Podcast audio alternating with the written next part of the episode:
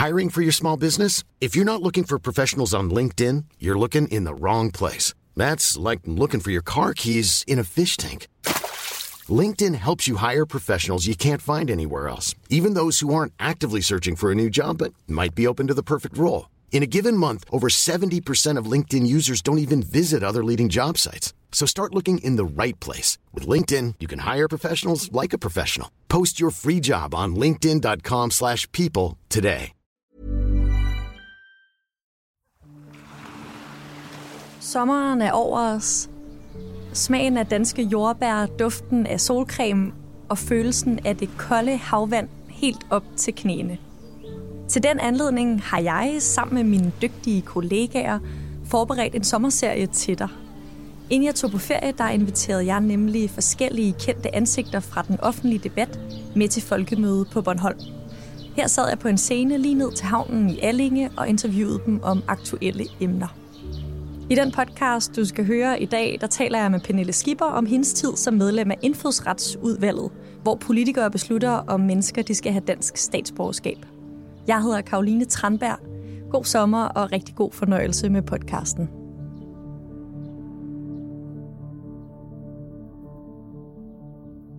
Pernille Skipper, velkommen til Altinget Azure. Tak skal du have, Karoline. Her på øh, udendørsstudiet her på Folkemødet. Dejligt, du vil være med. Så dejligt at være her. De fleste kender dig jo nok først og fremmest som øh, tidligere formand for Enhedslisten. Øh, du skriver også kommentaren på Altinget, mm-hmm. som en vigtig ting.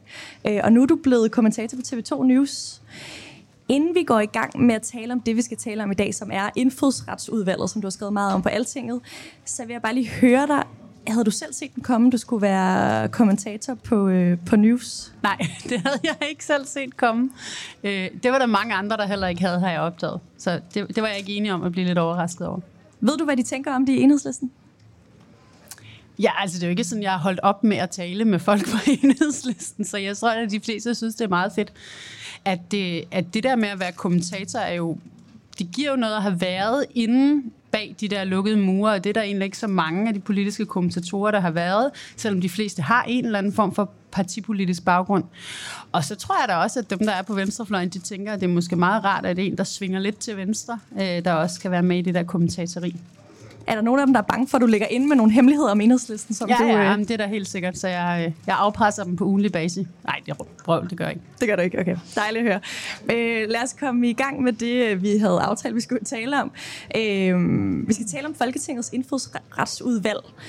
Og jeg tænkte på, om du ikke vil gøre os lidt klogere på, hvad det er for et udvalg, sådan gerne så konkret som muligt. Hvem er med? Hvor sidder man henne? Hvad er det for øh, nogle beslutninger, som man tager, når man sidder derinde?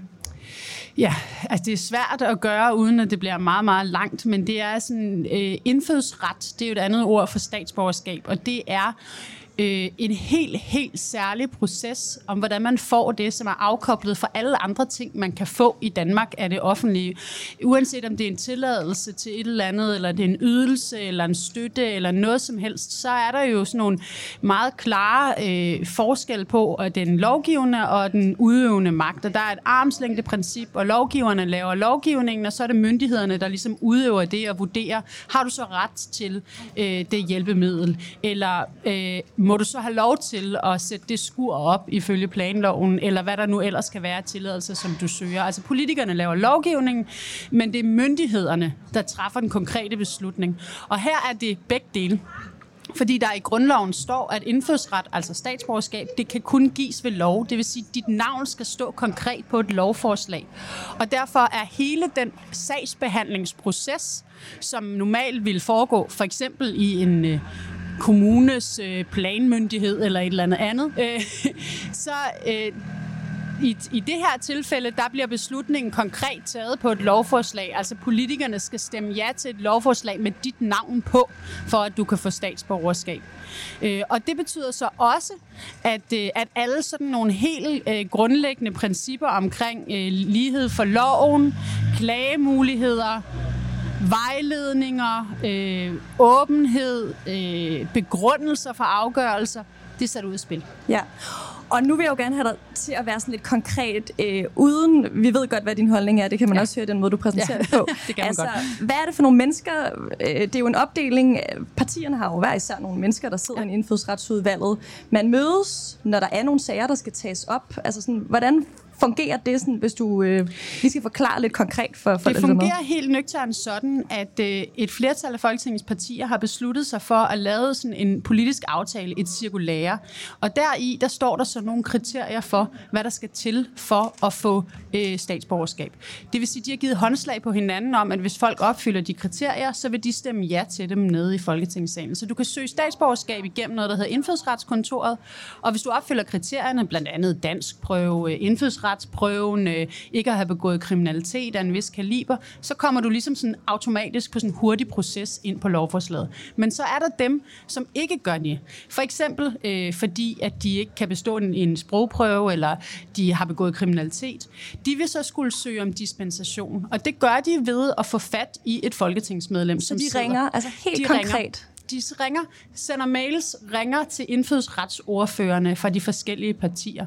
Og så hvis nu man får fat i en af dem, Øh, det kan være øh, Brigitte Jerkel fra Konservative, øh, det kan være Peter Velblund fra Enhedslisten, og for at overbevise den person om, at de skal tage deres sag op, deres dispensationsansøgning op, så vil Brigitte for eksempel tage personens navn og sådan ligesom sagsfremlæggelse med ned i udvalgslokalet, hvor de andre ordfører sidder, fremlægge sagen og sige, derfor synes jeg, at vi skal vurdere den sag. Og så vil de sige ja eller nej til at vurdere sagen.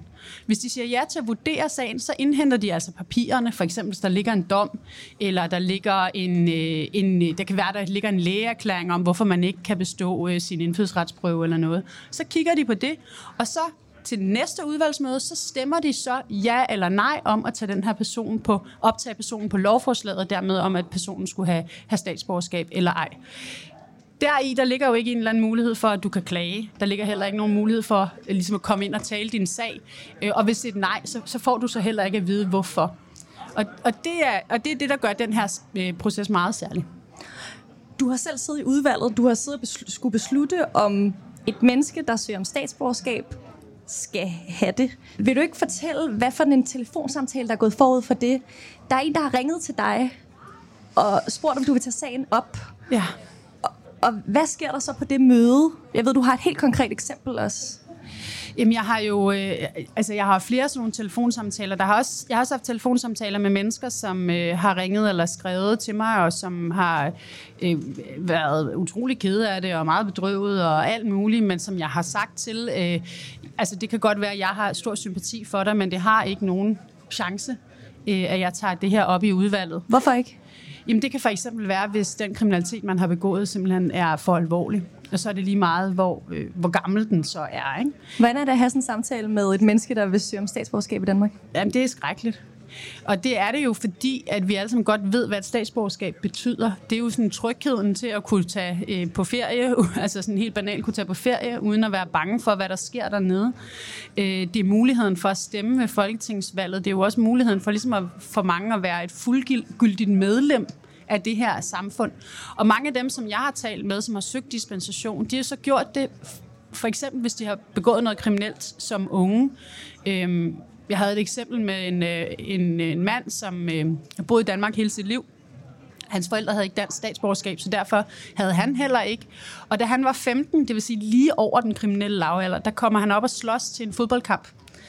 Øhm, altså to unge knægte, der skubber til hinanden mm. og kommer op og slås, fordi at den ene synes, den anden begået straffe, eller sådan noget i den dur. Ikke? Og det ender han faktisk med at få en, øh, en dom for, en, en betinget dom for. Og det efter de regler, der er i dag, øh, fratager ham sådan set muligheden for at få statsborgerskab for bestandigt. Må, det, må du sige det til ham i telefonen? Er det det, det, du så svarer ham? Det, jeg så svarer ham, det er, at jeg vil gerne prøve at tage hans sag op. Og det endte med, at den kørte hen over folketingsvalget, så jeg er faktisk lidt i tvivl om, hvordan det endte, og hvordan det er gået ham. Men det er jo sådan en af de der sager, hvor de fleste af os godt lidt kan se, at det her, det lyder lidt, altså lidt vanvittigt, hvis du har boet i Danmark hele livet, og du laver en fejl som 15-årig, og nu er han så nogen af 30 og havde to børn og sin egen virksomhed og alt muligt andet, men han kan ikke stemme.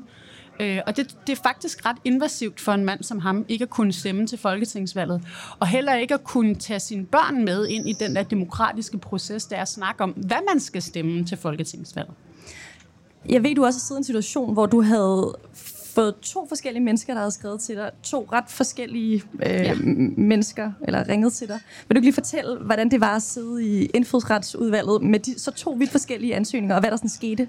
Ja, Ja, øh, på et tidspunkt så har jeg sådan en, en række ansøgninger, øh, dispensationsansøgninger, som jeg vil prøve at fremlægge for udvalget, og der er to af dem, som egentlig minder rigtig meget om hinanden. Den ene er øh, en person, som har boet her, i, de har begge to boet her i sådan 10-15 år, tror jeg, i lang tid, øh, og har permanent opholdstilladelse, og har begge to så begået en form for kriminalitet, som ifølge det her cirkulære, jeg fortalte om før, egentlig ville fratage dem mulighed for statsborgerskab. Så de skal begge to ansøge om at, øh, at dispensation på grund af det her krav om at være kriminalitetsfri. Og øh, den ene, han er fra Ukraine, og det er efter øh, krigen i Ukraine er brudt ud, og der er kommet mange flygtninge fra Ukraine, øh, og, og som der jo, man kan sige, har en, er en god folkestemning omkring, øh, af gode grunde, at de skal hjælpes. Og den anden, han er øh, flygtning fra øh, oprindeligt Libanon, har boet faktisk i Danmark i mange flere år end det. Han er flygtning fra Libanon, øh, stats, eller har været med palæstinensiske rødder, og, øh, og har også begået kriminalitet for mange år siden. Og, øh, og jeg har sådan den her følelse af, at jeg godt ved, hvordan det her det ender. Og det endte også sådan, at øh, ham fra Libanon, han fik et afslag, og ham fra Ukraine, han fik et ja til dispensation. Og og jeg kan, når jeg kigger på de objektive kriterier, så er der en ret stor forskel på de to, andet end at den ene er øh, muslim og fra et mellemøstligt land, og den anden er fra Ukraine og kristen. Og, øh, og jeg har jo også oplevet flere omgange, for eksempel et af medlemmerne i indfødsretsudvalget, og når jeg omtaler det på den her måde, så er det fordi, det er ulovligt at sige, hvad der foregår i indfødsretsudvalget. Jeg har pålagt tavshedspligt, det må jeg ikke fortælle om. Men jeg har oplevet et af medlemmerne sidde og sige, som en argumentation for en person, som vedkommende ønskede at få dispensation til, at øh, vedkommende nok var muslim, men ikke praktiserende. Og dermed altså, var det okay at give vedkommende statsborgerskab alligevel til trods. Ikke? Og det siger jo mig, at vi har at gøre med nogle, med nogle regler, som ikke bare sådan objektivt ikke opfylder vores almindelige retssikkerhedskrav, men også altså i praksis er diskriminerende. Hvordan er stemningen så, når man kommer ud fra sådan et møde, hvor at to ret ens ansøgninger er blevet altså ender jo fuldstændig forskelligt. Er der dårlig stemning i indfødsretsudvalget? Hvordan taler man sammen bagefter de politikere, der sidder der? Man taler jo faktisk ordentligt til hinanden. Det gør man altid på, altså, gør man 99 procent af tiden på Christiansborg. Og, og det tror jeg, at man bliver nødt til at gøre for at overleve som menneske. Altså man kan ikke gå rundt og rive hovedet af hinanden hele tiden. Men det er selvfølgelig også noget, der er ekstremt svært, fordi i hvert fald de situationer, jeg havde det, hvor jeg, jeg vidste jo godt, at jeg skulle op og ringe til nogle mennesker her, som ville blive rigtig kede af det. Øhm, og som ikke kan få anden begrundelse. Altså, de kan ikke, jeg kan ikke svare dem på, hvorfor, fordi at, at det er der ikke nogen, der nødvendigvis har sagt. De har bare sagt ja eller nej. Så nej, stemningen er faktisk meget sådan kølig, og øh, så forlader man lokalet, og så går man videre. Øhm, og det er jo også... Der er jo også en grund til, at, at jeg så i de situationer ikke har siddet sådan og reddet hovedet af de andre og råbt og skrevet. Og det er jo fordi, at jeg skal jo overbevise dem. Altså, den, både den libanesiske og den ukrainske øh, mand i den her situation, som jeg omtalt for, har kun mig. De har kun mig til at overtale dem og tale deres sag om noget så fuldstændig afgørende, som hvilket statsborgerskab de skal have. Og hvis jeg ligesom flipper så meget skråt på de andre, at over at det med ham fra Libanon, så er jeg jo bange for at tabe øh, den ukrainske mands sag på gulvet. Ikke? Og det er jo, øh, det er jo sådan et forbandet øh, dilemma, men, men ikke desto mindre er det der.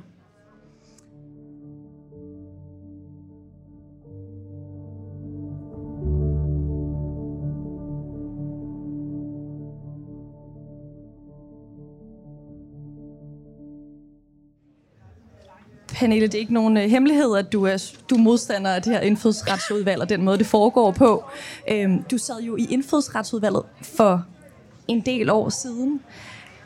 Du skriver om det her i løbet af det her folketingsår på Altinget. Hvorfor skrev du ikke noget om det dengang, eller råbte mere op for at få praksisen?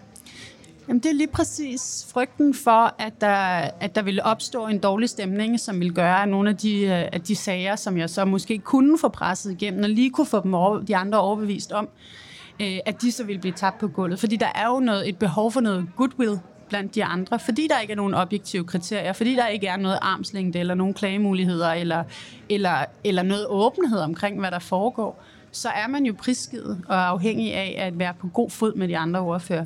Og derfor er det heller ikke rigtig muligt at stå og råbe og skrige af processen, mens man er en del af den. Øhm, det, gør det, det gør det bare endnu mere øh, svært, kan man sige, at få det lavet om. Er der også nogle gange, hvor at udvalget det rent faktisk har fungeret godt? Jamen, der er jo blevet givet masser af dispensationer. Altså selvfølgelig er der det, så på den måde kan man jo godt sige, at det har fungeret, og at der er nogen, der får dispensationer. Det, som er min sådan helt overordnede anke, det er, at Altså, jeg mener jo, at statsborgerskabsreglerne er for stramme. Det er ikke nogen stor overraskelse. Jeg tror ikke, der er nogen, der falder ned af stolen, når jeg siger det. Men der er stor forskel på at have en diskussion om, hvor stramme skal statsborgerskabsreglerne være, og hvad er det så for nogle retssikkerhedsmæssige procedurer, vi skal have omkring sådan nogle afgørelser. Og, og jeg synes jo, det er en lille smule slående, at vi har større retssikkerhed, åbenhed, øh, en forvaltningslov, der gælder med alle mulige klagevejledninger og øh, processer og formkrav, som skal sikre vores retssikkerhed, som er, som, er, som er bedre, hvis man gerne vil rykke sin hæk en meter, end hvis man skal have statsborgerskab eller ikke skal have statsborgerskab. Det, det synes jeg er lidt slående, og det er der, hvor det er, sådan, det er helt særligt.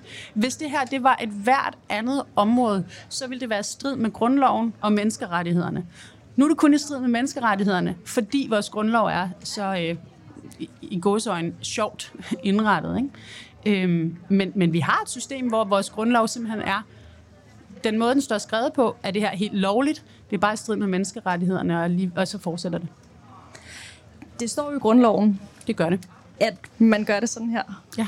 Og det er jo også det, øh, politikere fra regeringen siger, når man spørger dem, hvorfor det ikke øh, bliver ændret nu. Øh, der er store problemer med, eller det er i modstrid med menneskerettighederne.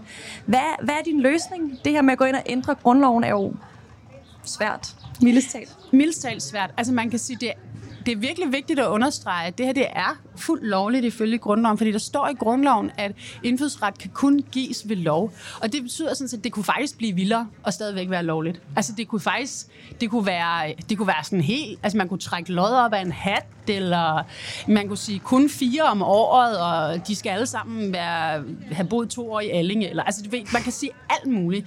Det må de selv bestemme, flertallet af Folketinget. Øh, fordi grundloven er skruet sammen, som den er. Så på en eller anden måde kunne man jo godt, hvis man var sådan glasset halvt fyldt kind of girl, hvilket jeg nok ikke er, men det kunne man godt vælge at sige, når man, de har trods alt lavet et cirkulære. Der er for de flestes vedkommende nogle objektive kriterier omkring sprog og indfødsretsprøver og uddannelse og ophold og alt muligt andet. Og når man har opfyldt det, så får man, øh, så får man indfødsret. Øh, men, men sådan er det bare ikke for dem, der så skal søge dispensation. Og, og der er min anke, det er, at hvis man kan aftale de objektive kriterier og følge dem for de flestes vedkommende, så burde man også kunne aftale og følge nogle øh, objektive kriterier for dispensationerne og holde dem lidt ud i armslængde væk fra politikerne. Og nogle af de her øh, kriterier kunne så være at give de her ansøgere nogle flere rettigheder, altså give dem mulighed for at øh, høre, hvad politikernes begrundelse er, give dem mulighed for at klage. Ja. Øh, hvis man gjorde det, synes du så indfødsretsudvalget er en ok ting at beholde? Altså, jeg synes, det mest optimale, det ville være, at politikerne, de sagde, vi, vi lægger det her ud i en uafhængig enhed. Altså, man har noget i dag, der hedder indfødsretskontoret, som sidder og behandler de fleste sager efter det her cirkulære. Og de sidder og kigger alle ansøgningerne igennem. Det er embedsmænd. Det er embedsmænd, ikke? Og de, de tjekker for sprogkrav og alt det der. Og så, så de fleste sager kører jo sådan set på sådan en objektiv øh, øh, skinne, hvor embedsmænd sidder øh, neutralt og vurderer nogle objektive kriterier, og så er du enten inde eller ude. Det kan man også godt gøre med dispensationsansøgningerne. Sige, at der er nogle kriterier for dispensationer, hvor du skal opfylde X, Y, Z eller noget andet. Ikke? Og det, det burde man jo gøre. Og så man burde holde politikere ude af sådan noget. Politikere skal lave lov. Politikere skal ikke lave sagsbehandling. Hver dag laver politikere lovgivning. Altså, de laver lovgivning, der påvirker mange mennesker, der påvirker os. Vi stoler på dem til det. Hvorfor er det, vi ikke kan stole på dem til det her? Jamen, det er faktisk ikke noget at gøre med, mener, man kan stole på politikere. Det er jo bare noget at gøre med, at når man træffer øh, afgørelser om konkrete mennesker sådan på følelser, så, så er vi ikke lige for loven længere. At det, er den, det er noget helt basalt, det der med at være lige for loven. Og det betyder jo, at for eksempel, at din religion ikke må være afgørende for, om du får en dispensation eller ej. Øhm, og der vil øh, være nogle politikere, der vil sige, primært fra sådan noget nye borgerlige og Dansk Folkeparti og sådan noget, som vil sige, jamen statsborgerskab er noget særligt. Der må vi godt diskriminere. Øhm, det synes jeg er det synes jeg er forkert i et demokrati. Altså for mig er det sådan, det er min, det er min helt grundlæggende retsstatsfølelse og fornemmelse, som bliver krænket på det. Og det sker jo også for mennesker, som for eksempel har PTSD, som har måske 20 lægeerklæringer på, at de kan ikke lære dansk. Altså det kan de ikke. Det er ikke noget at gøre med, at de er dogne, eller de ikke vil, eller de ikke har sagt ja til Danmark, eller et eller andet andet. Men de kan ikke lære dansk, fordi de har PTSD. Det er en psykisk sygdom. De får også afslag. Det er i strid med handicapkonventionen, men det er stadigvæk fuldt lovligt. Og det strider imod min sådan grundlæggende øh, retssikkerhedsforståelse, at, at der er nogle mennesker, som ikke kan bestå en, prøveprøve, bestå en sprogprøve, det kan jeg ikke engang heller, kan jeg høre, øh, ikke kan bestå en sprogprøve på grund af en psykisk lidelse eller en fysisk handicap eller noget andet, men som godt kan få dispensation, men andre, der ikke kan. Hvor stor tror du sandsynligheden er for, at det her det bliver ændret? At det indfødsretsudvalget bliver ændret, den måde det foregår på, fjernet? Jeg tror egentlig, den er ret lille. Jeg tror, det er et af de områder, som jo lider under den måde, som dansk politik har set udlændingepolitik på. Altså, udlændingepolitik har været sådan en kæmpe, kæmpe stor elefant i rummet, som ingen tør røre ved i frygt for at blive kaldt slapper. Altså, ingen vil have en slap udlændingepolitik, så kan man åbenbart ikke være noget ved musikken i dansk politik. Og, og det betyder, at, øh, at også indfødsretsområdet er blevet strammet og strammet og strammet de seneste år. Det er også derfor, man ser nogle af de her vilde sager. Men, men så er der sådan en lille, altså en lille håbefuld del af mig, som, som tænker, at lige nu kan man se udlændingepolitik sådan rasle ned på listen over, hvad folk går mest op i. Øh, der er blevet sådan... Altså, børnene er kommet hjem fra Syrien. Øhm, de danske børn, der har siddet i de syriske fangelejre, alle undtagen en er kommet hjem nu. Ikke? Det havde jeg heller ikke troet for to år siden. Så måske kan der være en eller anden vej frem her, hvis... Øh, Måske er det lige frem det, som den her midterregering rent faktisk kan levere. Altså det, det skulle så være at ture, ikke bare tage de øh, svære beslutninger, som de kalder det på det økonomiske, men måske også træffe de upopulære beslutninger, når det kommer til sådan noget som retssikkerhed, selvom det i hvert fald udadtil falder ind under øh, begrebet udlændingepolitik. Er der en politiker, du tror eller håber vil stå i spidsen for det?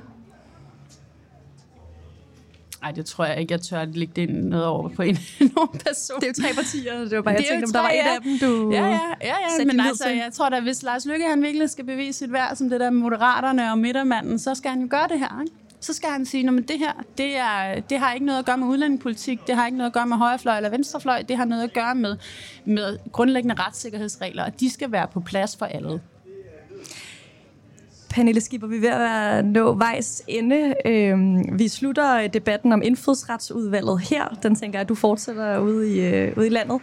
Til slut vil jeg gerne lige nyde lidt godt af, at du jo er blevet politisk kommentator på TV2 News. Det håber jeg, at du er med på lige ja, at... det er øhm, ja. øh, Tre forudsigelser øh, for det næste folketingsår. Er du klar på det? Ja, ja, det har jeg svoret, jeg ikke vil gøre, men nu gør det alligevel. Nu gør du det alligevel. øhm, til næste folkemøde hedder regeringen så stadigvæk SVM. Ja.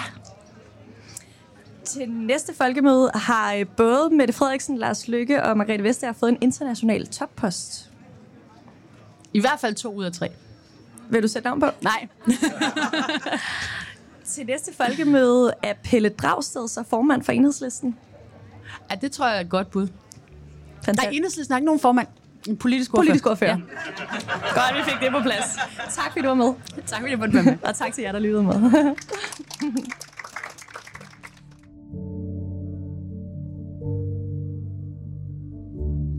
Dagens podcast den blev produceret af Mads Aarhusen og Maja Simonsen og af mig, og jeg hedder Karoline Tranberg.